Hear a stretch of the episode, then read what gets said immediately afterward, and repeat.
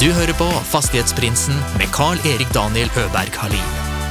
I denne podden får du følge med på eiendomsinvestorer fra Sverige og Norge når de deler sine erfaringer og tips med oss lytterne. Gjestene er alt fra småbarnsforeldre med sin første enhet, til de mer etablerte haiene. God fornøyelse. For det er en ting jeg hører veldig mange ganger. Folk, folk sier at det er liksom Nei, men jeg har ikke verken kapital, jeg har ikke kunnskapen, jeg har ikke det, ha, det hadde ikke jeg heller. Det har ikke de fleste som starter heller. Og det er en av de viktigste tingene å på en måte legge fra seg den mentaliteten med at man ikke har noen ting å tilføye. På det tidspunktet jeg starta, så var jeg villig til å kunne jobbe åtte timer gratis for en eiendomsinvestor, bare han kunne fortelle meg hvordan han har gjort det. I veckans avsnitt hör ni gårdsgutten från Nordnorge som tog kappsäcken till Oslo och har på nio år jobbat stenhårt och målinriktat och fått till mycket imponerande saker. Utan mycket kunskap om investeringar, regler och tummen kanske mitt i handen, men en vilja likt Stålmannen. Känner du igen dig till veckans gäst? Då föreslår jag att du lyssnar vidare på det här lärorika avsnittet när jag välkomnar Simen Peter Eiterjord! Takk for det. Superkul at uh, du tok deg tid og ville snakke litt med meg. Ja, det er veldig, veldig hyggelig å bli uh, invitert òg. Det er jeg som er glad og takksom for det. Du befinner deg jo heller ikke hjemme i dag, uten hvor er det du er? Nei, du, jeg sitter på et hotellrom eh, på Clarion Energy i Stavanger by. Jeg har ei kursuke her, så det passer egentlig bra med litt aktivitet oppe på hotellrommet, egentlig. Ja, ja men det er bra at jeg kan være med og bidra til det. hva, hva er det du går for kurs? Hva er det du driver med? Jeg er på kurs eh, Jeg jobber i oljebransjen som eh, innen prosess. Så jeg er på et simulatorkurs. Eh, Det er jeg som på en måte henter ut eh, det sorte gullet til Norge. Ja, ja, men det er bra. Da vet vi. Da har vi fått et eh, navn og et ansikte på hvem det er som gjør det. Ja, Ja, men så jobber du innom det, eller? ja jeg gjør det. Det gjør jeg. Jeg bruker å si at det er liksom hobbyjobben min. Eh, Ja. Og så holder jeg på med Har en veldig fin turnusordning der, der vi jobber 14 dager på jobb på oljeplattform, og så har vi en måned fri.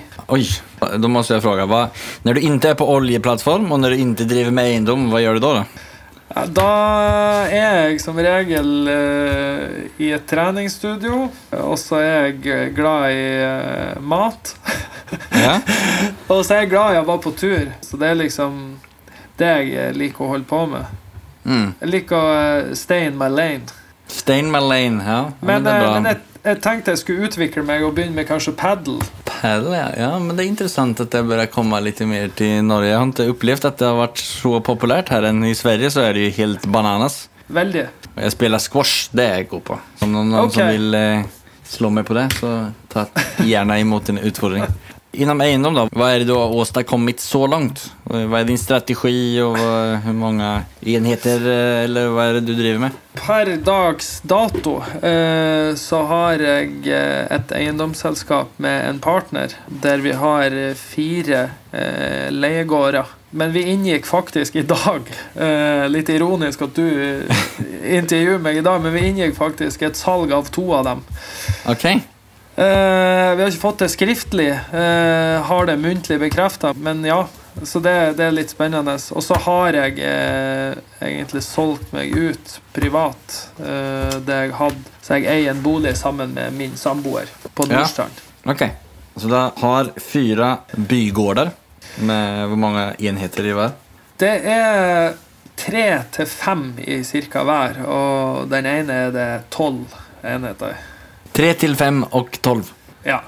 Så vi har to bygårder med fem leiligheter i, og så har vi én med tre leiligheter i, og så har vi en med eh, tolv enheter. Interessant. Før vi hopper eh, tilbake helt fra start. nå når du har holdt på et par år med eiendom, med den kunnskapen som du sitter på i dag Om du hadde haft 500 000 og var helt grønn, fast du satt med erfarenheten som eh, har samlet opp det i dag, hva hadde mm. du, vad hadde du gjort med 500 000?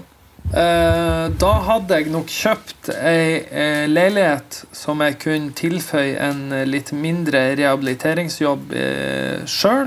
Og så har jeg bodd i den et år, for å så selge den skattefritt. Ja. Kan du berette litt om den regelen, om det er noen som ikke vet om det? Ja, den regelen er på en måte veldig gunstig i Norge. Eh, Det er sånn at eh, hvis du har bodd i din egen boplass, hvor du har hatt bostedsadresse de siste tolv månedene, så kan du selge den skattefri uten å skatte ei eneste krone av den.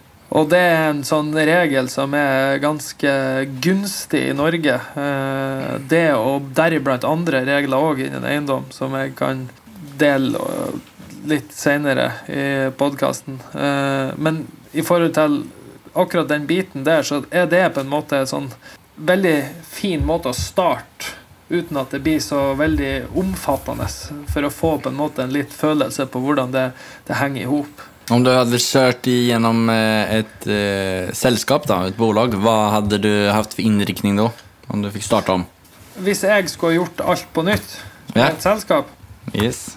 Jeg vet ikke om jeg har ville gjort det sånn her annerledes.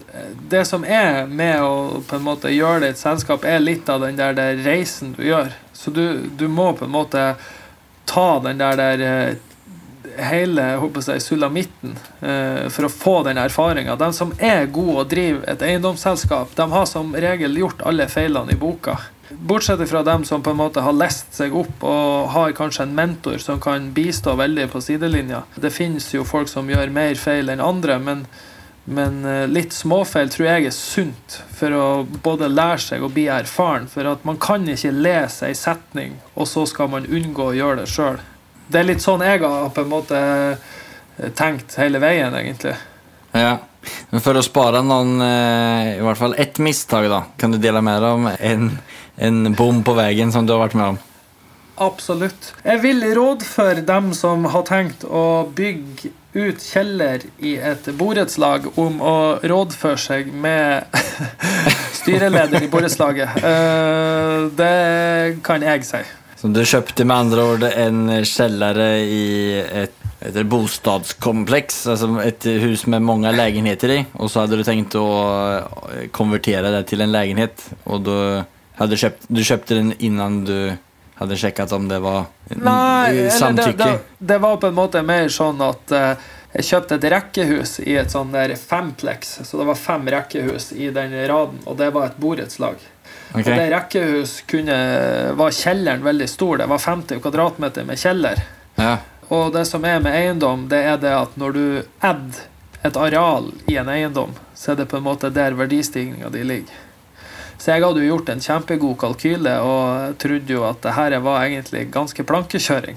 Det som jeg ikke har på en måte lest meg opp, var vedtekten i borettslaget om at utvikling eh, av ueksisterende bodareal skulle tas med godkjenning i borettslaget, noe som jeg ikke gjorde. Så jeg bygde 50 kvadratmeter der, og solgte til og med òg. Oi! Ja. Hva hände då? Det ble en uh, hyggelig mail til styreleder, dokumentasjon på utført arbeid, en uh, par dialoger med Fredrikstad kommune med oppmåling og endring av uh, tilleggsdel til hoveddel, og så gikk det i orden. Ah, det var en ganske, en ganske bra historie, historia då. Ja, men jeg vil råde alle som på en måte skal gjøre noe sånt, gjør det, eh, gjør det motsatt vei. Ta oss og Søk og, og snakk med styrelederen i borettslaget først. Ja, men det var godt. Men eh, da holder jeg det til gode at du får i løpet av eh, samtalet dele med dig om eh, en riktig bom på veien i stedet for en sånn her som rydder opp seg bra. Ja. ja. Men kan du ta oss tilbake? Hvordan kom du inn på eiendom? Du, det kom egentlig med at jeg har på en måte alltid vært en litt sånn eh, drømmer, eh, føler jeg sjøl, da. Jeg uh, flytta til eh, Oslo som 19-åring. Jeg er opprinnelig fra ei lita fjellbygd oppe i Nord-Norge. Gå- Gårdsgutt. Gårdsgutt, ja. ja. Ja, så jeg flytta nedover til Oslo som 19-åring og begynte å smøre baguetter på Grønland. Oj, det er nesten som alle oss svensker, då. det er nesten, nesten som alle svensker. Ja. Eh, jobba faktisk en svenske der òg som var veldig hyggelig. Shout-out til Adam hvis du hører på denne podkasten. Så begynte jeg å jobbe for Coca-Cola, fikk meg lærlingplass der. Møtte en svenske som var Det her er veldig, veldig gøy, for han var 55 år, og så jobba jeg fast med han. Og så var han veldig litt sånn alternativ. Jeg merka at han på en måte Han var ikke et A4-menneske. Nei. Og så spurte jeg han liksom Han heter Conny. Skjæra til Conny hvis du hører den her. Jeg skal sende linken. Eh, så spurte jeg han hva Hvis han skulle gi meg et råd Jeg husker jeg var 21 år. Han skulle gi meg et råd i livet på hva man kunne investere i, og hva man kunne starte med for å på en måte bygge seg opp økonomisk frihet og, eh, og prøve å, å gjøre det på en god måte. Så sa han noe til meg. Jeg har noen aksjer, men det er ikke, er alltid jeg forstår det. Men jeg skulle heller ha holdt på med litt festligheter.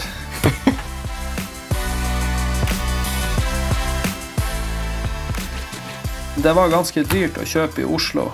Så jeg sa til bestekompisen min Skjæra til Vegard, send en link til deg òg etterpå. Så mye shoutouts det blir i dag. Ja, det blir det. Blir det. Men, eh, men Vegard er den som jeg har det firmaet med, og han er, var med i denne reisen. Og han er Ja. til den dag i dag, så han er partneren min. Ja. ja, men da fortjener Vegard garantert en shoutout. Han, han Vegard fortjener en shout-out. Så jeg og Vegard gjorde noe som 21-åringer Ja. Hvis det har gått an å gjort det samme igjen, så vil jeg råde alle 21-åringene å gjort det, men dessverre er det blitt litt andre krav. Vi gikk i banken, leverte tre lønnsslipper, og så spurte vi hvor mye lån kan vi få av dere. Ja. Hva var svaret da? da? Da svaret var det her er 2011. Da sa banken, og det her er ganske hårreisende, for banken sa dere kan få 4,8 millioner i lån til sammen. Ok. Så vi syntes jo det var ganske mye penger, vi syntes det var en god idé. Så vi gikk på finn.no, og så kryssa vi av eh, ting vi hadde lyst til å ha i den leiligheten. Så fant vi ei leilighet. Mm. Det var ei leilighet i gamle Oslo, på Jordal. Ja. Som det som vi liker å kalle for Starten. For starten? Starten. Ok. Det var på en måte grunnmuren til det som er blitt Ja. eh, alt den dag i dag. Ikke sant? Ja, da skjønte jeg. Jeg trodde du mener du kalte området for starten, men det var starten Nei. på, er, altså på er historie, eller på er resa. Mm. Riktig. Så det var egentlig sånn det starta med at vi, jeg kom inn på tanken med eiendom. Og da hadde vi kjøpt den leiligheten som 21-åringer sammen, og 50-50 på full finansiering med 6% i rente. Var det full finansiering? Full finansiering, null kroner egenkapital. Snekt. Du er 21 år, hvor gammel er du i dag, då? Jeg er 30. Ja, så det var ni, år siden som eh, du Ja. starta med det Det var første köpet og du fullfinansierte det med Vegard.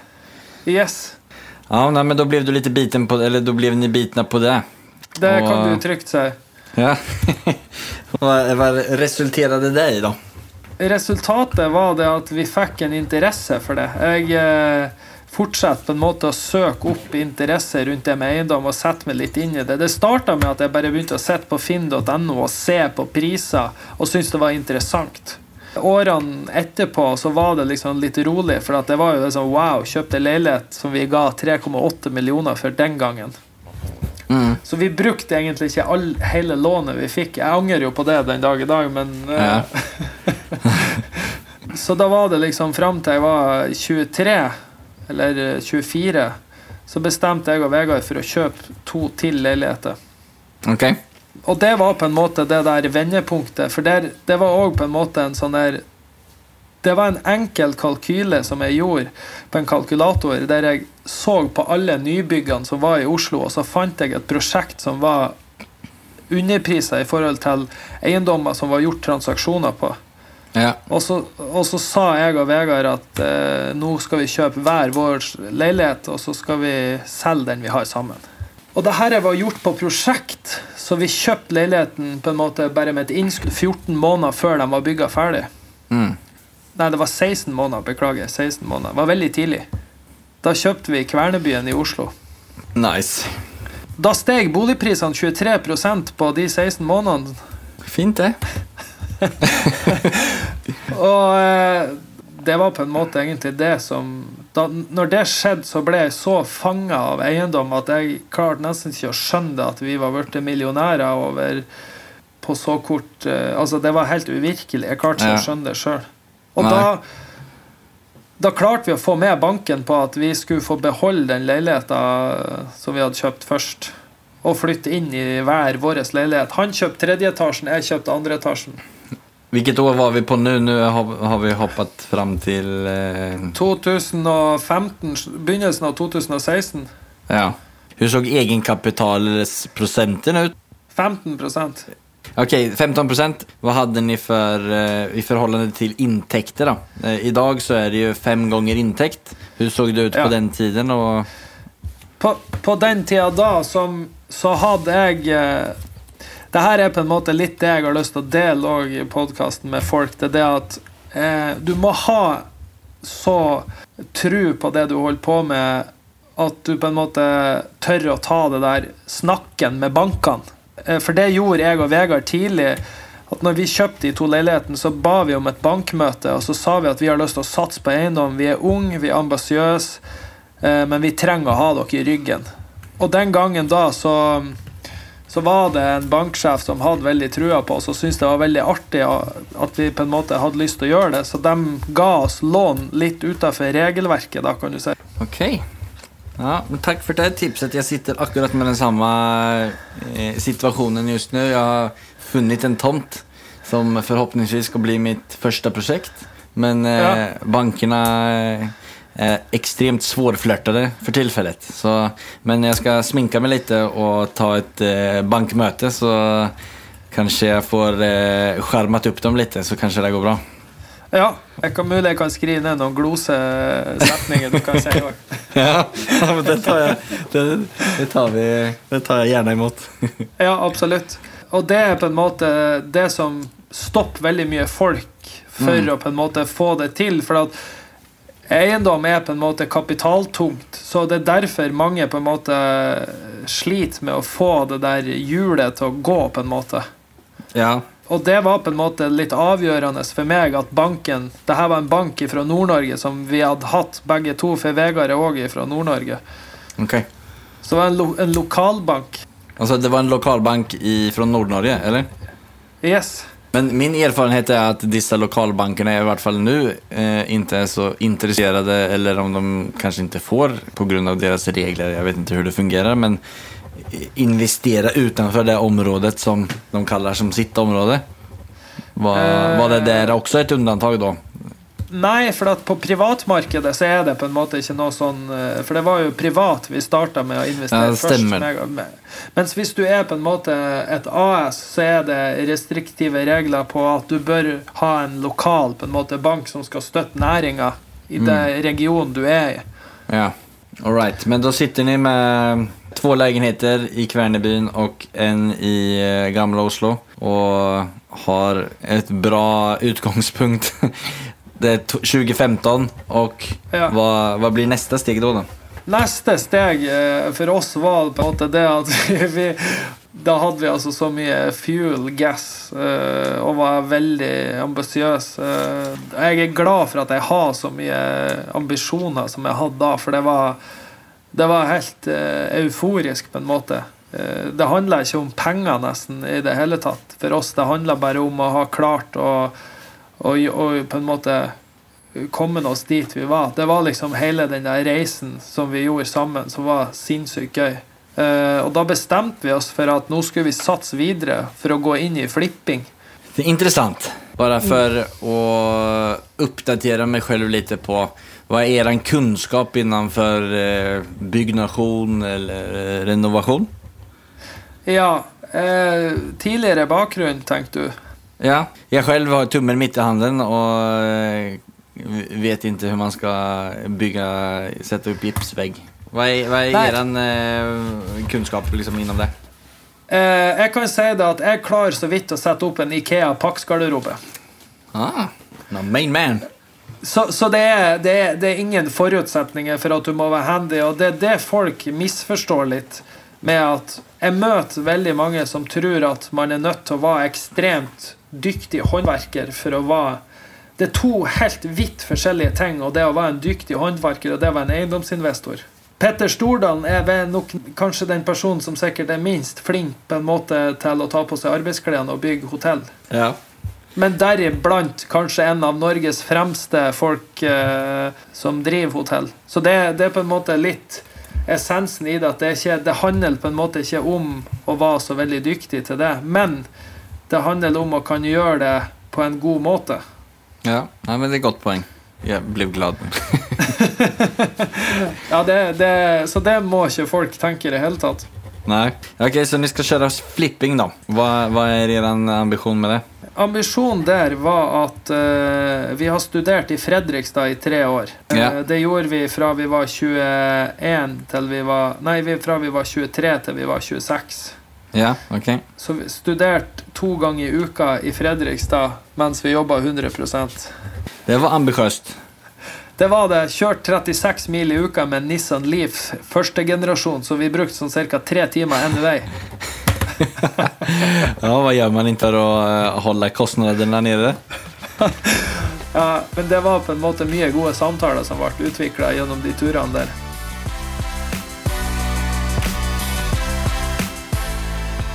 Da fikk jeg øynene opp for eiendomsmarkedet litt på utsida av Oslo.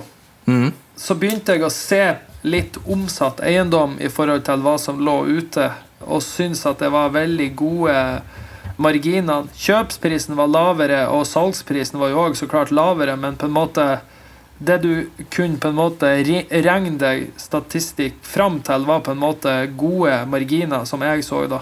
Mm. Og da fant vi et godt prosjekt, et rekkehus, med den kjelleren som jeg nevnte innledningsvis her i stad. yes. Som var et rekkehus vi kjøpte for eh, 2,2 millioner. Mm. Putta inn 750 000 i rehabkost. Solgte for 3,8 millioner. Wow. Ja, det var grymt. Jeg så at den eiendommen ble solgt nå igjen for 4,4. Men når var det du solgte den? da? Det var, det var ikke i går? Det var, nei, det var i eh, 20, 2016. Ja, nei, men da, da var det bra at du hoppa av det. Og det låter som at ni har eh, funnet et par gode dealer eh, til etter det. Ja, men det var, det eh, var i Fredrikstad, altså. Yes. Satsa ni videre der omkring, eller vart eh, bare liksom av da? Ja, vi gjorde det. Eh, og det er fortsatt vår altså, Lokasjonen er på en måte en time fra Oslos knutepunkt øst. Okay. Som er på en måte våre investeringsplasser. Mm. Eh, det har med litt av eh, det langsiktige løpet som er i forhold til Oslo og utbygging. Ja. Og det er, det, det er et godt eiendomsmarked der. Det er i balanse. Eh, Mm. det, er til, det er tilflytning, så det er på en måte de fundamentale tingene er på plass der. Mm. Det har egentlig da bare balla på seg etterpå det. Da ble det liksom Etterpå det ble det et utviklingsprosjekt med en stor enebolig med utleiedel. Grymt alltså. Hur kommer ni bort i alla sådana här deals? Har det vært på traditionella plattformer hele tiden? Eller har ni hittat noe off market? Det har vært eh, begge delene, egentlig. Ja. Jeg er jo veldig glad i mennesker, glad i å prate. Så jeg prøver å knytte, knytte meg opp eh, bekjentskap overalt. Mm. Uh, så jeg kunne typisk, hvis det var jeg så at en eiendom ble solgt, så ringte jeg megleren etterpå og sier du, jeg så den eiendommen, det ble solgt, hva var interessen for den? Og så ble han sånn, ah, hvem er du? Og så presenterte han meg, og så fikk jeg et kontaktnettverk via en sånn på en måte måte at jeg ringte meglere. Og, og det har ført til at eh, jeg har kommet på en måte i, i kontakt med folk som, som er i, i det miljøet. da. Så det, det er på en måte litt òg nøkkelen hvis man ønsker å gå inn i eiendom på den måten. Og ha et godt kontaktnettverk. Veldig godt tips. Det er òg liksom en sånn key plan, eller key task, at folk må være åpne for å søke eh, informasjon fra andre folk. Ja, Nei, men for det sitter man ju, det sitter jag också med lite sån rädsla av å kontakte folk och om man skal säga liksom som en mentor. Jeg, jeg har en som er på en måte mentor, eh, for liksom jeg prata med på telefon i dag. Han var ute og jogga, han ringte meg. Ja, bra kondisjon kondition han måtte ha om han kan prate. Ja, han, Kanskje det var Petter Stordalen han? Nei, det var ikke Petter Stordal, men han er, han er en bra kar. Han er regnskapsføreren min, han er revisoren min, men han er òg eiendomsinvestor. Du får lov å ta en Eh. shout-out til han med. Shout-out til deg, Benjamin Lauritzen. uh, skal sende en link etterpå. Uh, men, men det er viktig å ha folk som Og så er det noe som heter at når du er på en reise en plass, så møter du gjerne folk som er i samme type retning. Sånn at hvis du begynner å søke mot et tema eller et uh, visse typer mennesker, så begynner du å komme i kontakt. For det er på en måte en, en sånn der uh, ting som jeg sier til folk som spør meg om tips og har spurt. Så bruker jeg å si at tenk deg uansett nesten hva slags gren du skal holde på med, så er det på en måte nesten det med å starte og begynne å oppsøke et type miljø som det starter med, egentlig. Uansett hva det gjelder. Så møter du folk hele tida på reisen som vil være en brikke. The, the mission, da, som, som man holder på med. Og det, det er på en måte spill Det kunne ha vært hva som helst. Om det har vært motocross jeg har holdt på med, eller om det har vært kunst, så har det på en måte vært the key task å på en måte gå mot mennesker som er i samme lane. Men om jeg, kjenner, om jeg vil hoppe inn i eiendom, da jeg har jag känner att jag inte har någonting att tillföra, varken kapital, kunnskap, nätverk, flink på att mm, bygga eller någonting. Ja, låt säga att jag hade tagit kontakt med dig då.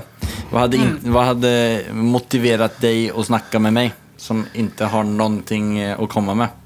Ifrån mitt Visst Hvis du har vært eh, 100 committed og eh, interessert i å lære deg det, så har det jo på en måte vært et spørsmål om tid for at du bare har kommet i gang. For det er en ting jeg hører veldig mange ganger. Folk, folk sier at det er liksom Nei, men jeg har ikke verken kapital, jeg har ikke kunnskapen, jeg har ikke Det, ha, det hadde ikke jeg heller. Uh, og det har ikke de fleste som starter heller. Og det er en av de viktigste tingene å på en måte legge fra seg den mentaliteten med at man ikke har noen ting å tilføye.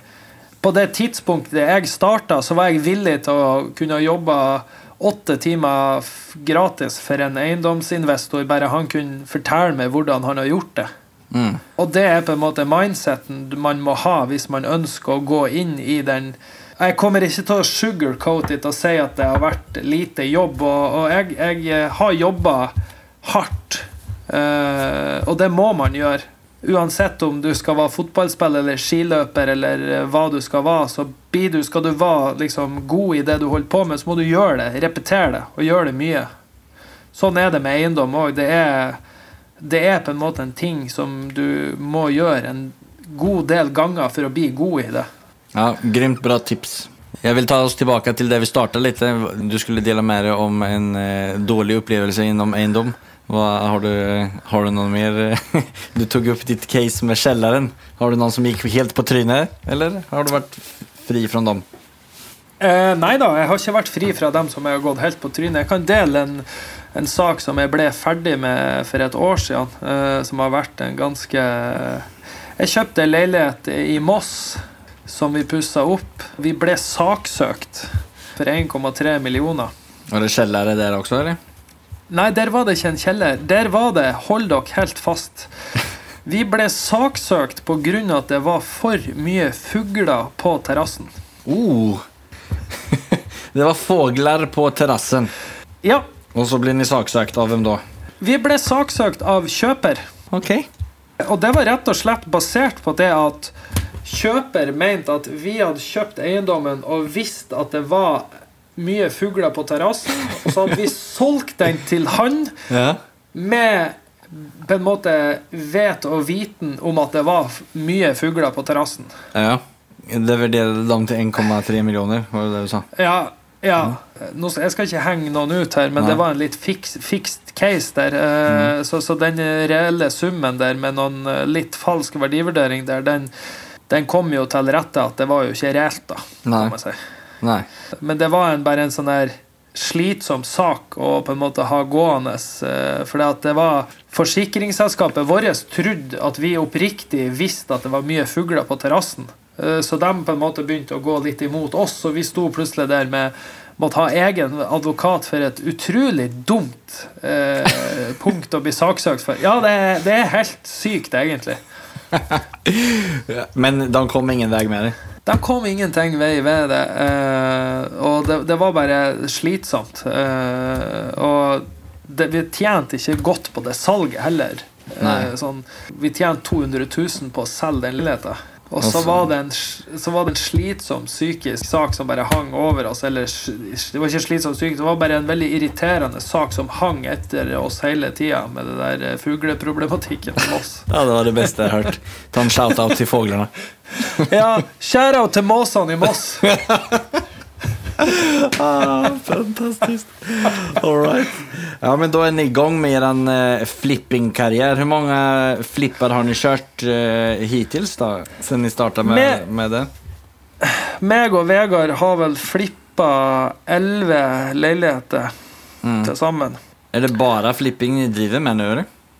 Nei, det skjedde et skifte der for en tre år tilbake i tid. Der vi kom over en litt eldre bygård, som ble på en måte litt starten på den der utleieporteføljen.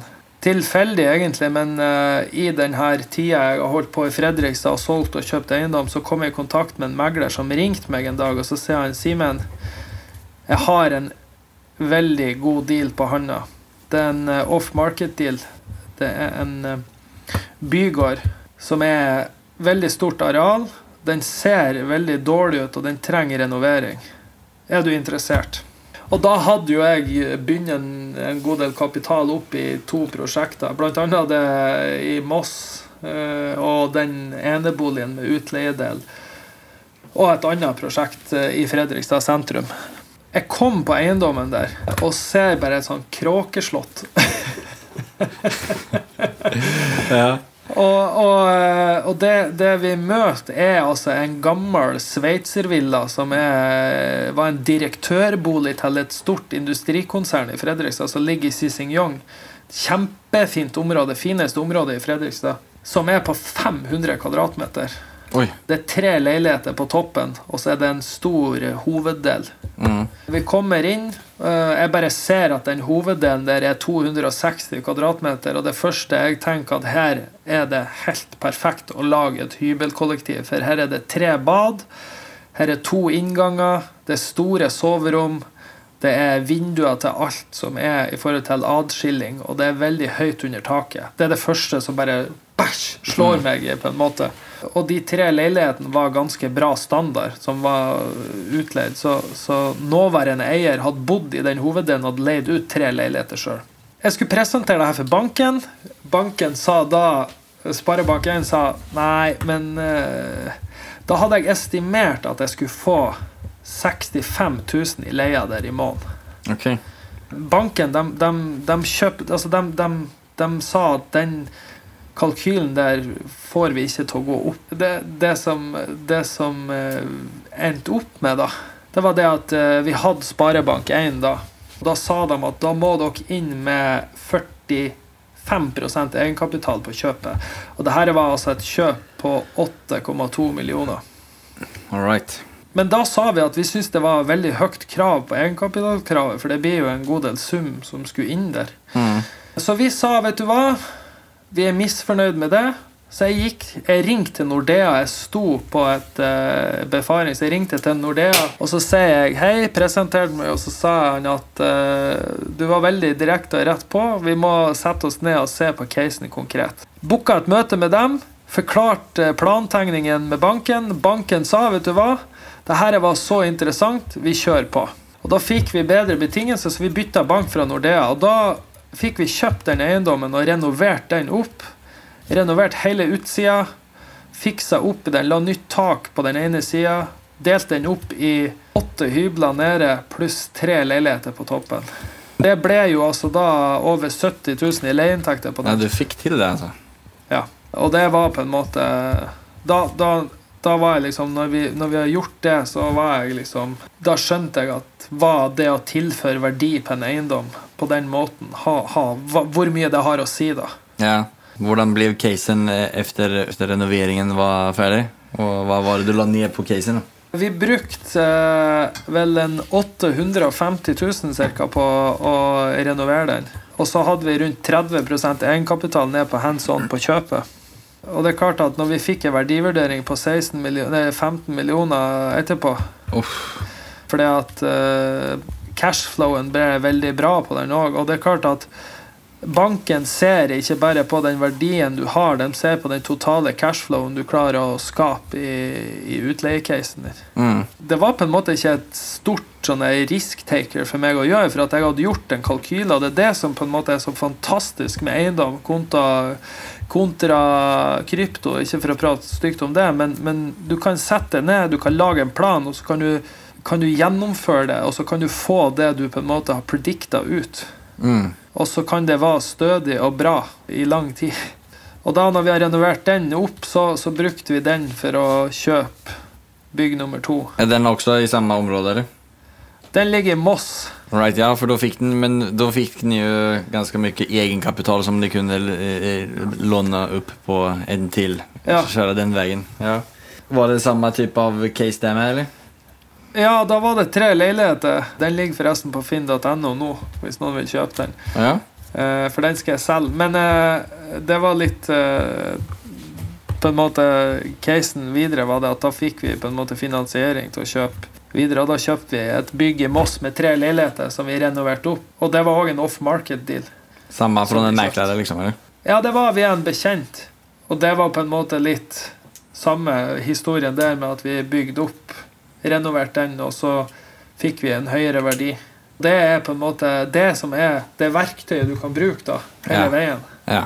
Eller er det nøkkelen du alltid må tilføre et verde til en eh, deal? Det er det som er. Det er på en måte nøkkelen. For når du tilfører en verdi på et bygg, så får du òg på en måte en verdi du kan bruke til å viderefinansiere mer eiendom.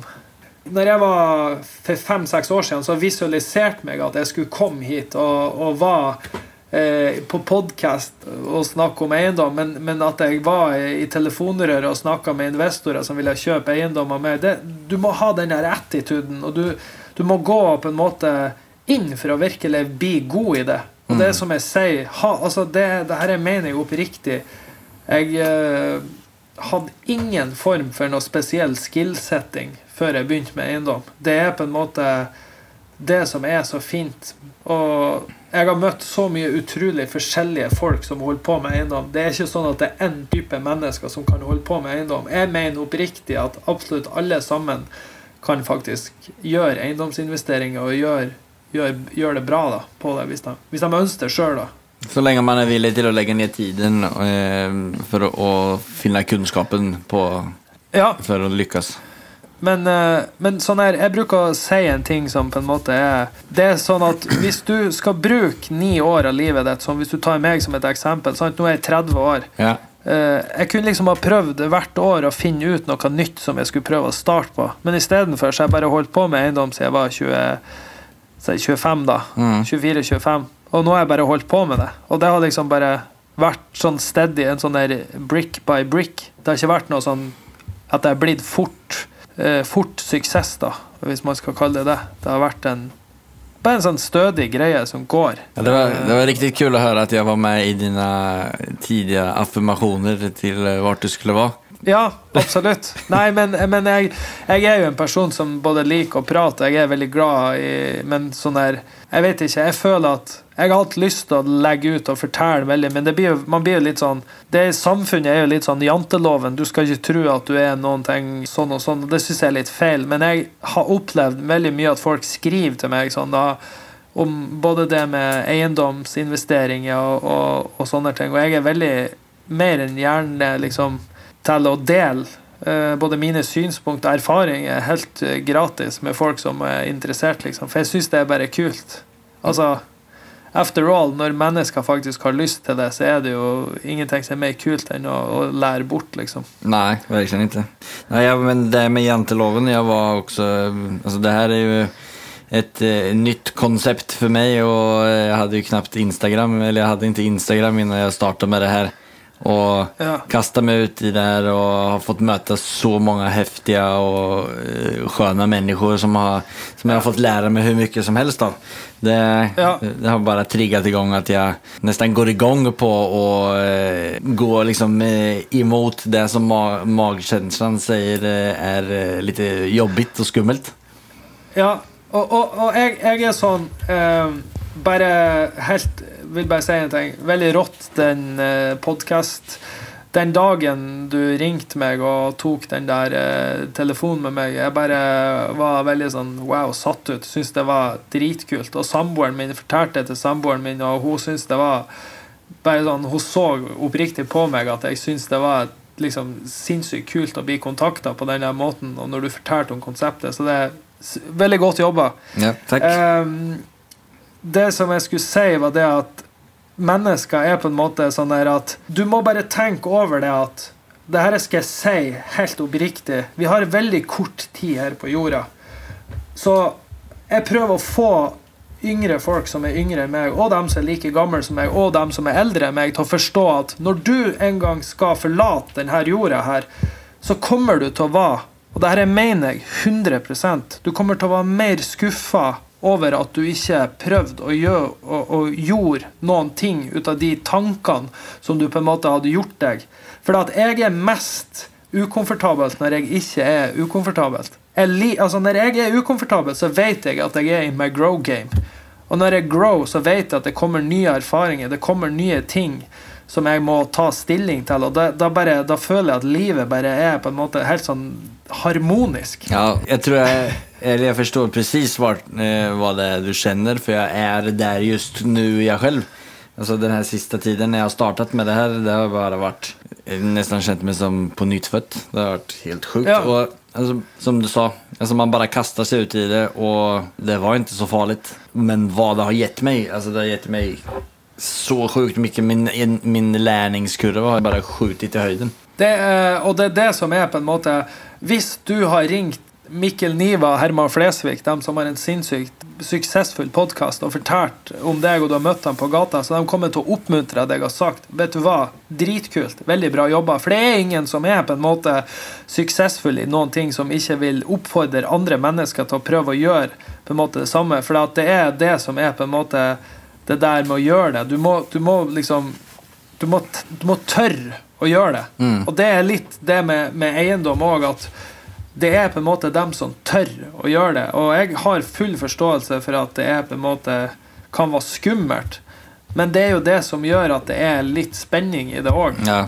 Du er jævlig klok må jeg si. Det, det är, eh, jo, men det, men det, er opp, det mener jeg oppriktig, for det, du framstår som du er jæklig genuin i allting det du sier, og du har gode, kloke tanker om allting. Så det har vært riktigt kul å snakke med dere så her langt også. Nå börjar vi, Ja. börjar vi komma fram till vårt neste segment eh, som heter eh, Affärsanalysen.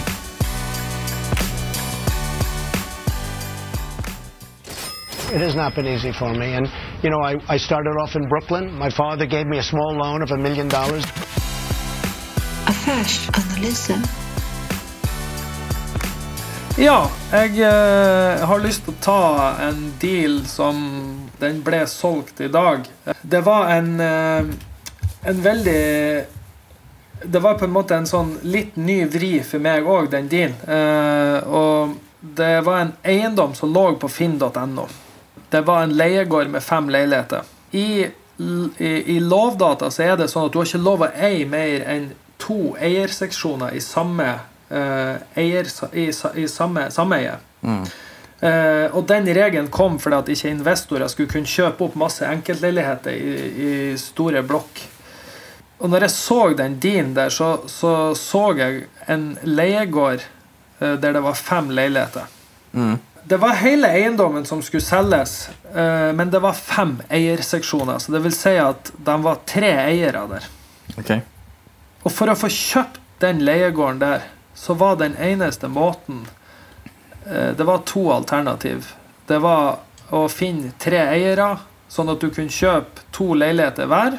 Og så kjøpte den siste personen kjøpt ei leilighet. Så du kjøpte to leiligheter hver, og så kjøpte den siste ei leilighet.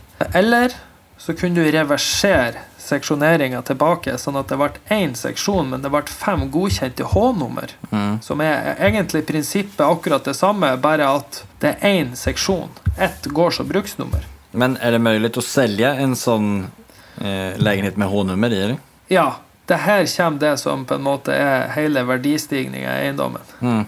Hvis du som selskap kjøper en eiendom som er én seksjon, og du som selskap utfører seksjoneringa sånn at det blir fem seksjoner, så har du lov som AS å ha fem eiendommer i et AS, og ei i samme sameie. Så det skjønte jeg, og når jeg skjønte det, så skjønte jeg òg hvorfor det ikke den ble solgt. Fordi at det var ingen som på en måte så at Fordi at den var veldig vanskelig for folk skulle kjøpe, for du måtte være tre eiere for å kjøpe den. Så det jeg gjorde, jeg tok en dialog med kommunen, så jeg ringte til plan- og bygningsetaten i Fredrikstad kommune. Så ba jeg om å snakke med en overingeniør der som jeg har prata med tidligere. Så forklarte jeg han hele casen, tok han igjennom eiendommen, hadde et telefonmøte på Skype, og så sier han hvis dere sender inn en enkel søknad om å reversere seksjoneringa tilbake til én seksjon, så vil det være ett seksjonsnummer, og da kan dere kjøpe den med et AS. Så jeg la inn et bud på eiendommen. Jeg la inn et bud, eh, 100 000 i prisantydning, som var på eh, horrible 4,9 millioner. Mm.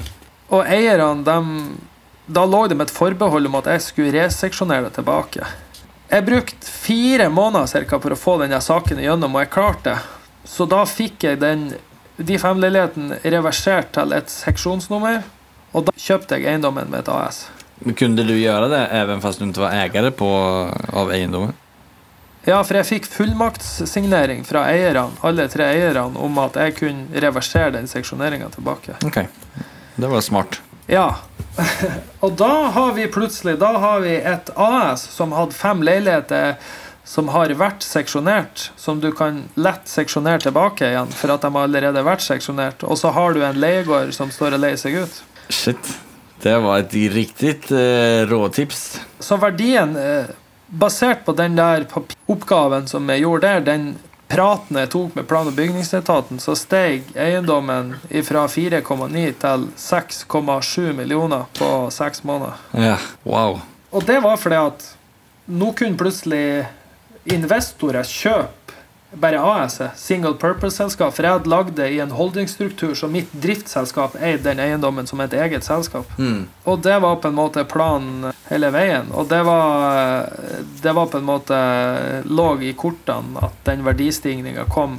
Vi hadde estimert det for at det skulle være en større del investorer som kunne være interessert. For det er på en måte Det å finne leiegårder med fem leiligheter i seg sjøl er på en måte en ganske vanskelig sak på det åpne markedet. Mm. Hur, fan, hur, finansierar du dealen? Jeg finansierte den med egenkapital. Eh, 25 på kjøpet. Vilket år, Eh. vilket år var det du köpte den? Den her kjøpte jeg i fjor. Ja, okej. Så det var en, eh, säga, nästan en flipp? Ja, det var en flipp. Ja. Och sålde du den nå? Ja. Den ble, är jag spänd på Eh. vad den gick för då. Ja, den gikk for eh, 6,7 millioner. Ja. Jeg eh, kjøp, solgte den sammen med en annen eiendom som jeg òg kjøpte i fjor. Eh, som òg er en bygård med fem leiligheter. Okay. Så han, eh, han ga eh, 13,9 millioner for begge to leiegårdene. Og det er klart, når jeg har hatt en snittpris på 5 millioner per leiegård, så ble det en hyggelig gevinst på seks måneder. Ja, grymt. Hva skal du gjøre nå da, fremover med det da, når du har realisert det? Vi har noen nye eiendommer i sikte. Jeg har en uh, ny eiendom. Jeg kan ikke røpe adressen, for jeg vil ikke noen andre skal fære og ta den. Nei. Nei. Men, uh, men vi, vi, vi ser litt på både bolig og, og næringseiendom, egentlig. Men uh, det, er, det er veldig lukrativt å investere i eiendom for tida. Renten er lav. Mm. Det er gode leie, leiepriser, så det er Jeg sitter egentlig og, og ser hver dag på eiendommer, egentlig. Ja, superkul. Ja, men takk for at du deler med deg om det. Nå hopper vi videre til sista segmentet her, som heter Fyra frågor. Det er de fyra samme spørsmålene som jeg stiller til alle gjestene.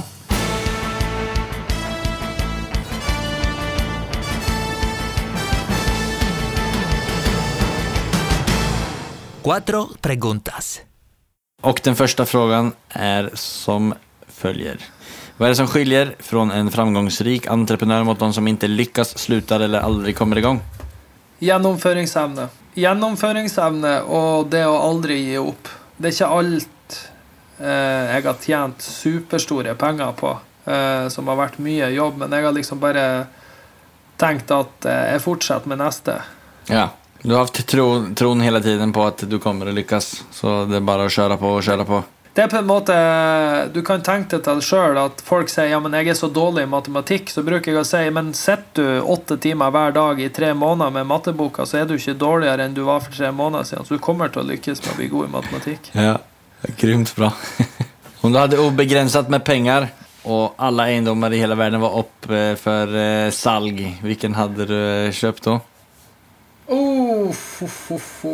Nei, det har vært et godt spørsmål. Ja. Eh, men jeg har nok sett litt i flere eh, europeiske land, men, men Norge er et veldig bra land å investere i eiendom i. Det er en bra plass å gjøre det på.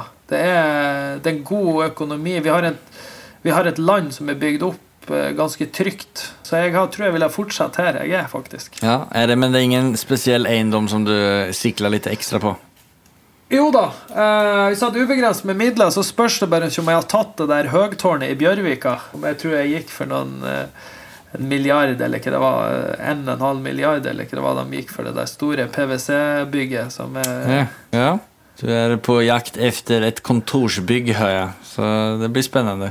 Ja, i hvert fall det. Ja, ok. Hva er det som er unikt med det, da? Eller hva er det som attraherer deg med det?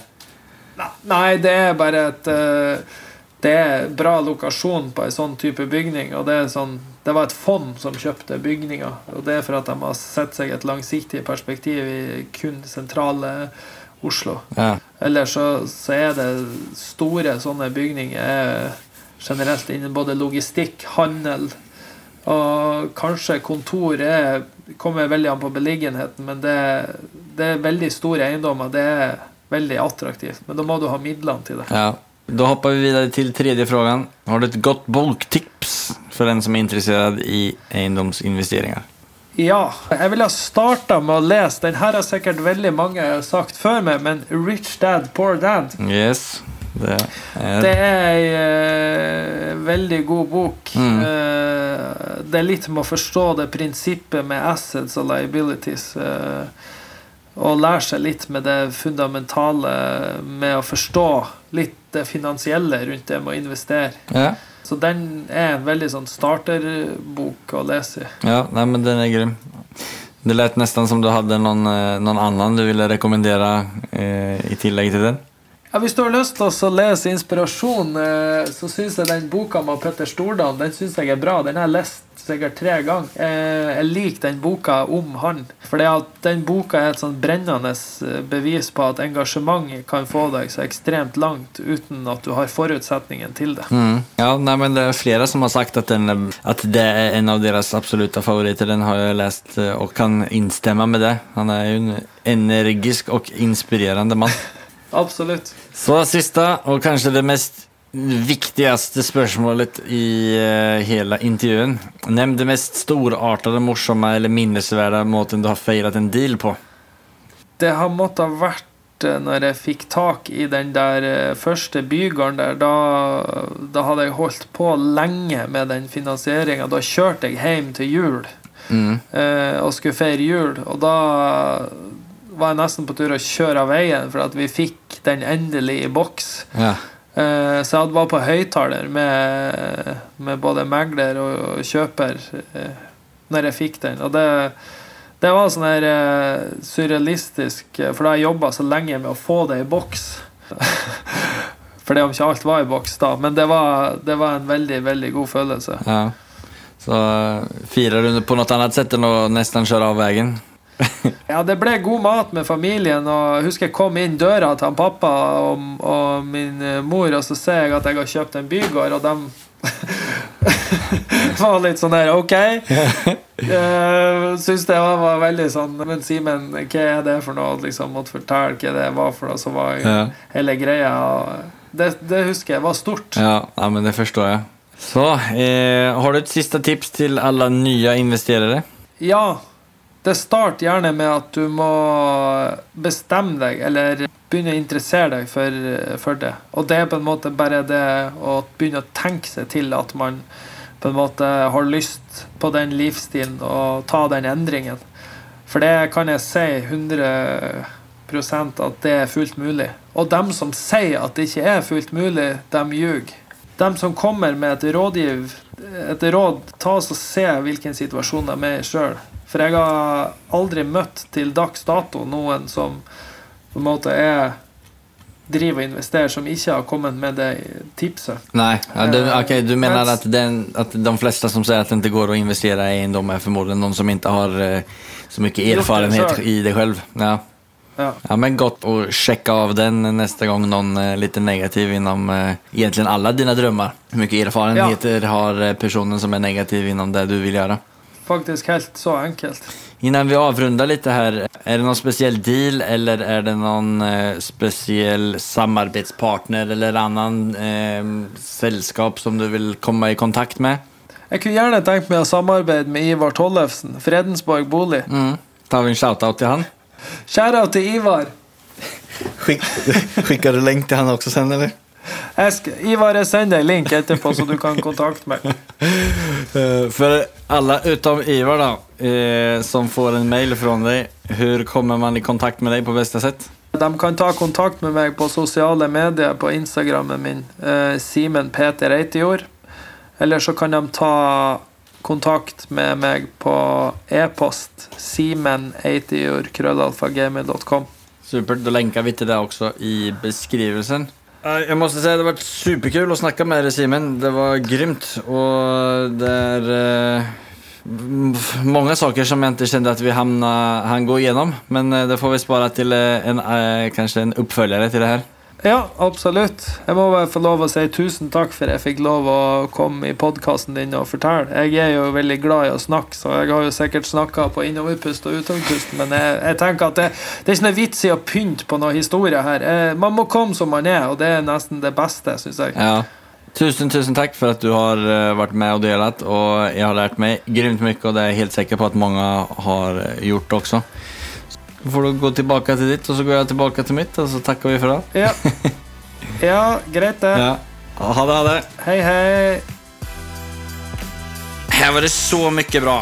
Jeg har hørt på det her avsnittet tre ganger, og jeg har funnet nye greier hver gang som har fått meg å tenke til og anvende i situasjoner som jeg er i nå. Å tilføre verdi på et objekt, om det er å bruksendre eller renovera, som skapar kapital som jeg sen kan resirkulere i nye affärer.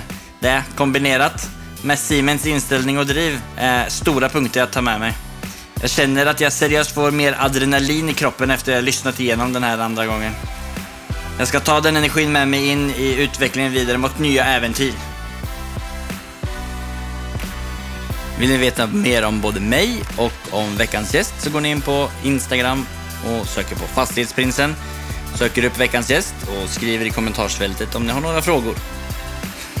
ja men gud, det var ju bra timing. Där var brödet färdigt. Jag får nämligen besök om 10 minuter av måsarna i Moss, så nu måste jag runda av. Ha en fin dag. Snackas. Ha det!